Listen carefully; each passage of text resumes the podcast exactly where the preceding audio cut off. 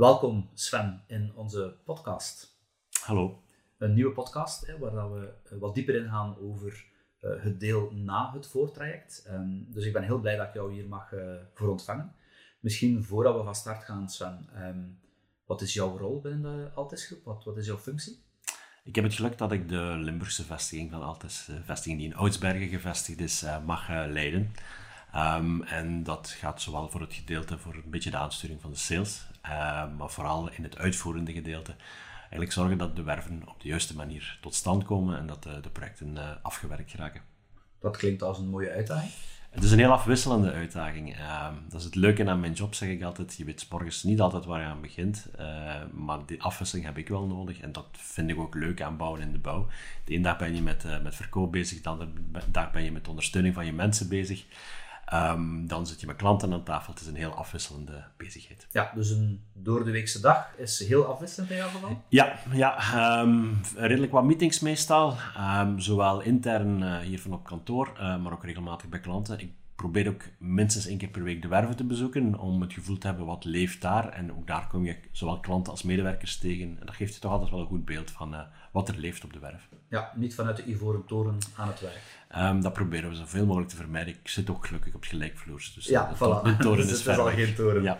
Fantastisch. Hoe lang ben je al actief in de, in de sector en bij Altes? Um, ik heb heel mijn leven al in de bouw gezeten, dat is toch al 25 jaar. En daar is dik de helft expliciet met industriebouw bezig geweest. En ik zit nu bijna een viertal jaren uh, bij Altes. Oké, okay. je hebt al redelijk wat projecten dan zien passeren bij Altes veronderstel uh, Uiteraard. Uh, en ook daar zien we dat het heel gevarieerd is. Uh, dat gaat van kleine KMO-gebouwtjes tot hele technische dingen als een, als een skipiste ja. of high-end afwerking van kantoren. En dat... er, is, er een, is er een project waarvan hij zegt dat het is mij nu echt wel bijgebleven, want dat is wel heel speciaal. Ik denk dat je bijvoorbeeld niet elke maand een skipiste nee, bouwt? die skipiste dat is inderdaad een van onze paradepaardjes. Zeker als ze op het technische vlak. En, en, en ik denk dat de ingenieurs daar uh, heel hard in de handen gewreven hebben toen, toen dat binnenkwam. Uh, maar het kan ook met kleinere dingen. We hebben voor Bycast eigenlijk een high-end uh, kantoor, nieuwe kantooromgeving gebouwd. Uh, met allerlaatste moderne groene technieken in. Uh, een klant die ook wel wat centen had, dus ook naar de materialen mochten we wat verder gaan dan we gewoon zijn. En dat is ook weer een leuke uitdaging om dat tot een goed einde te brengen. Is dat dan, als je zegt ik zit al 20, 25 jaar in de bouw, zie je dan dat de innovaties de laatste jaren dat dat wel toeneemt? Dat er sneller innovaties uh, geïntroduceerd worden in vergelijking met vroeger? Um, dat om te beginnen, als, ik de vergelijking maak met 25 jaar geleden, is alles wat milieu-impact en, en, en groen uh, um, is heel hard aan het opkomen. Uh, het laatste jaar ook heel veel met circulariteit bezig. Um, mm-hmm. Hoe kan je materialen hergebruiken? Um, het hele, heel het gedeelte van aansturing van technieken, domotica, komt waar je vroeger eigenlijk alleen in de villa's tegenkwam, vind je die nu in elke kantoorruimte. Gewoon verlichting in een kantoor kan al een lichtsensor gestuurd worden, wat dan weer een invloed heeft op je elektriciteit en zo hangt eigenlijk alles aan elkaar. Ja, dus, uh, oké, okay, mooi. Um, als ik dan jouw rol binnen de organisatie even van op afstand bekijk, jij komt dan na wat we het voortraject noemen, dat er effectief een, een project verkocht is, een contract getekend, kom jij dan in de picture? Of ben ik dan verkeerd? Want bij Altis zou dat wel kunnen zijn dat je vroeger in de picture komt. Dat, dat is de gebruikelijke gang van zaken, maar meer en meer zien we ook dat klanten eigenlijk in ook in het voortraject voor hun, dus vanaf het ontwerp van het gebouw, uh, graag hebben dat iemand met de nodige expertise en de kennis van de uitvoering mee aan tafel komt zitten. Ik moet eerlijk zeggen, dat zijn voor mij ook de leukste projecten, mm-hmm. omdat je daar zowel de expertise... Ja, je krijgt de vraag van de klant en daar kan je een creatief technisch antwoord op geven en daarvoor heb je een architect nodig en daar kan je een uitvoerend technisch antwoord op geven en daar heb je, je verschillende specialisaties voor nodig. Dat kan naar engineering gaan, dat kan naar technieken gaan, dat kan naar uh, innovatief materiaalgebruik mm-hmm. gaan. En dat laatste gedeelte, of die laatste drie posten, proberen we meestal bij ons in huis te halen. Ja. En dat maakt dat je als klant in mijn ogen ook meer waarde gaat krijgen voor, voor je geld. Omdat ja. het gebouw dat je gaat krijgen veel meer afgestemd gaat zijn op je budget, maar ook op je noden. Uh, terwijl in, in het andere traditionele traject um, ga je vaak gaan zoeken naar een partij waarvan je op voorhand niet weet of ze al expertise Ja. in huis hebt.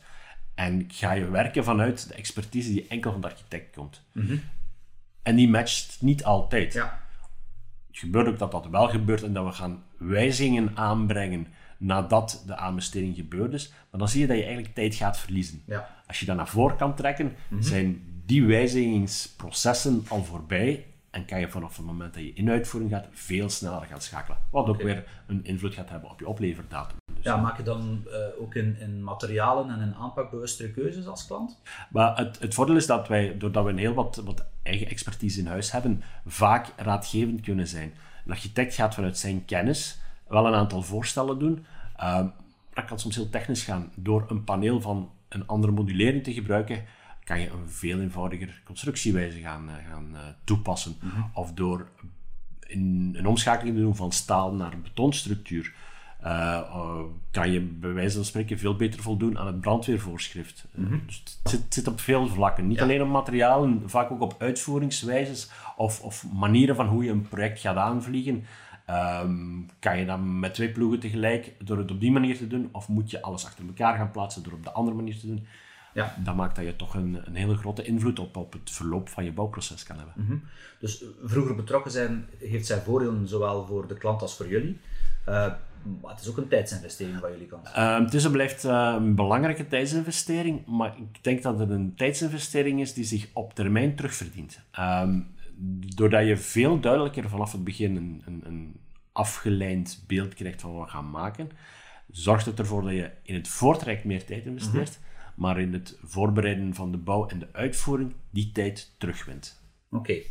Een, echt een investering dan, want je investeert is, tijd en dan uh, win je het wel terug. Ja, het is een investering. Het is een investering die je als klant ook moet bereid zijn om te doen. Want de enige nadeel daar voor jou als klant is dat je straks uh, al lang met alle partijen aan tafel zit en je misschien het gevoel kan hebben dat je de markt niet meer kan laten spelen. Ja. Maar ik ben ervan overtuigd dat het in mindere mate meespeelt ten opzichte van de voordelen okay. die je ja. kan, uh, kan halen uit het, uh, uit het bouwteamverhaal. Is dat, is, ja, is dat het principe van een bouwteam? Eigenlijk is dat het principe van een bouwteam. Een bouwteam zorgt ervoor dat alle mensen die, die je nodig hebt om je project tot een goed einde te brengen, vanaf het eerste punt aan tafel zitten. En dat het niet een stappenverhaal is van we doen eerst het voorontwerp, we doen dan de definitieve plannen, we doen dan een lastenboek met aanbesteding en we gaan dan een uitvoering gaan. Je, je comprimeert dat eerste gedeelte en je krijgt een ander eindresultaat, een vaak beter eindresultaat, uh, omdat de, vanuit de expertise van alle partijen aan tafel er veel betere dingen. En dat gaat niet alleen van ons als aannemer, je kan ook de nodige mensen van technieken aan tafel zetten. Alles evolueert tegenwoordig zo snel dat in de hoe zal ik zeggen, in, in de persoon van een architect, mm -hmm. die krijgt dat niet meer beheerst. En jij als klant hebt wel een wens, mm -hmm. maar je kan niet alle uh, um, ideale oplossingen van die ja. wens zomaar ja. op tafel krijgen. Dus eigenlijk openheid en transparantie in zo'n verhaal is wel belangrijk. Dat is inderdaad uh, heel, heel uh, belangrijk. Um, uh, en, en als we dan terugkomen naar dat spelen van de markt, het gebeurt ook daar dat we soms gewoon met open boek verhaal werken. Dus dat de kostprijs zeer duidelijk is, dat er op voorhand een, een, een margeverhaal afgesproken wordt en dat je als klant zeer duidelijk in beeld krijgt van wat betaal ik hier ja. ja. Een, een, een, vertrouwensverhaal eigenlijk. Het, het, is een verhaal dat heel fel gestoeld is op vertrouwen. Mm -hmm. um, maar dat vertrouwen kan je ook net um, naar boven laten komen doordat je in alle transparantie ja. met alle partijen kan samenwerken. Ja. Um, alle partijen, hè, jullie hebben heel wat expertise in huis binnen de, de Altes groep heeft dat voordeel voor die klant dat het in huis allemaal uh, kan gebeuren? Um, dat heeft als grote voordeel dat, dat zeker in het uitvoerende gedeelte straks dat we veel strakker kunnen sturen. Uh, bijvoorbeeld alles wat uh, metaalconstructies, betonconstructies, betonpanelen is. Dus de materialen die je vooral nodig hebt in ruwbouw, die maken en die produceren wij zelf. Dat wil niet alleen zeggen dat we de, de, de skills hebben om, om het technische werk te doen, maar ook de nodige mensen erachter hebben zitten om die materialen naar hun limieten te brengen. Om te weten wat je er juist mee kan doen en hoe je ze zo optimaal mogelijk kan inzetten. En als je dan daarna naar de uitvoering gaat, heb je één, het juiste, het juiste materiaal op het juiste moment. Maar doordat we het ze zelf ook fabriceren en produceren, uh, kunnen we daar veel strikter in timing opvolgen. Uh, je merkt, zeker op dit moment, uh, heel veel problemen met toelevering van materialen. Ja, we hebben dat in eigen hand, dus we kunnen die die productie veel beter sturen en een veel betere doorlooptijd op de werf krijgen. Ja, we zitten hier uh, voor deze opname op de site in, uh, in Oost. Ja. Ik zie hier een aantal van die ja, dochterondernemingen dicht bij elkaar. Jullie zijn echt wel heel dicht bij elkaar. Daar zitten die voordelen dan wel in voor die klant, dat die korte lijnen er zijn? Wij lopen letterlijk bij elkaar binnen, zoals we zeggen. En, en ehm, als je in een bouwteam zit en op een bepaald moment komt er een specifieke vraag voor iemand van de atelier of voor iemand van, van binnen de staalcontext, ja, dan kan je hem dadelijk erbij halen gewoon. Weg. Dus, mhm. ja.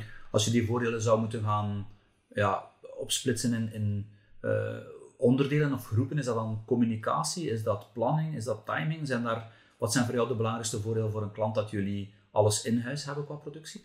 Eén uh, is gewoon de technische kennis van het geheel. Um, alles is tegenwoordig hyper gespecialiseerd.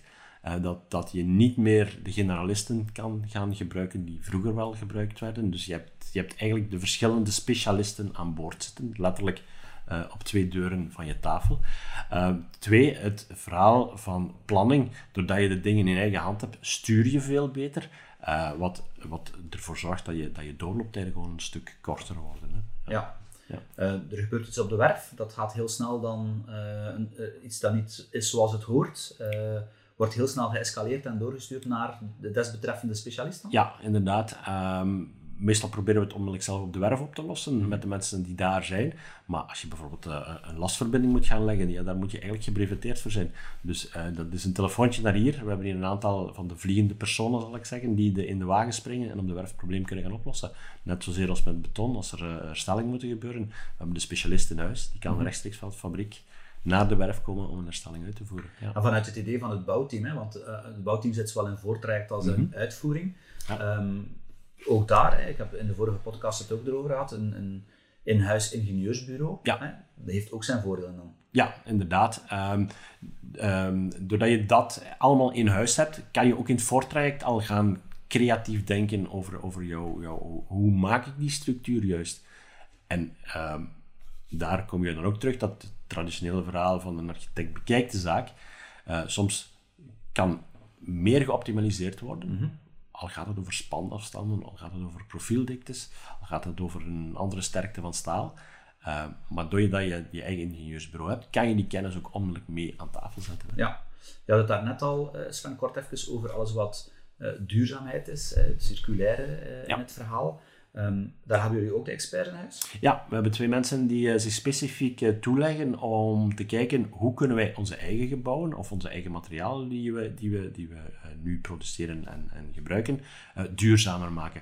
Een heel concrete voorbeelden. Ehm, binnen, ons, binnen LG Beton zijn we aan het testen doen met CO2-arm cement omdat dat een veel mindere voetafdruk, mm. ecologische voetafdruk heeft.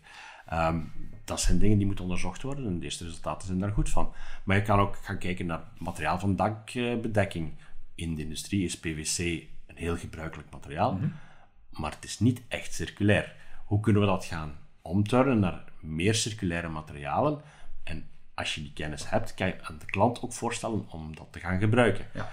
En dan is het nog altijd aan hem om te zeggen van kijk, ik wil daarin investeren of ik wil dat niet. Dat is natuurlijk een keuze die hij moet maken. Maar je ziet dat, dat ecologie meer en meer begint mee te spelen uh, in het verhaal van de bouw. Ja. ja. En niet alleen in isolatie en in groene technieken, maar ook hoe zorg ik dat het gebouw um, herbruikbaar is. En daar hebben we natuurlijk het grote voordeel met ons prefab verhaal ja, daar kan je alles terug losschroeven, oppakken en dan op een andere plek uh, terug monteren. Hè. Ja. ja. en zeker naar recyclage ook. Hè. Dan kan je en alles stukken apart... Uh... Ja, alles kan, kan perfect uh, hergebruikt en gedemonteerd worden. Ja. ja, dus ik, ik hoor voor een potentiële klant of een klant die met jullie samenwerkt heel wat voordelen in het feit dat jullie die expertise in huis hebben. Ik hoor kwaliteit, ik hoor innovatie, ik hoor planning. dus er zijn heel wat voordelen. Wat zou voor jou het, het advies zijn dat je aan een potentiële klant heeft om met Altis te gaan samenwerken?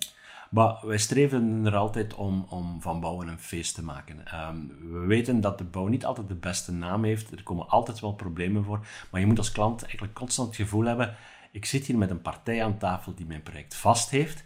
En ja, er zal ook wel eens een probleem zijn, maar het wordt opgelost. Mhm. En mijn eindresultaat is dat ik uh, het gebouw heb dat ik van het begin had mogen verwachten. Ja. En dat traject loopt soms met wat moeilijkheden, maar ik heb nooit het gevoel gehad dat het mij stress gegeven mhm. heeft. Ja. Dat zou eigenlijk het doel moeten zijn. En dat vertalen wij tegenwoordig onder eh, Great to Build. Ja, mooi. Dus eigenlijk alle aparte partijen hebben dezelfde doelstelling. Ja.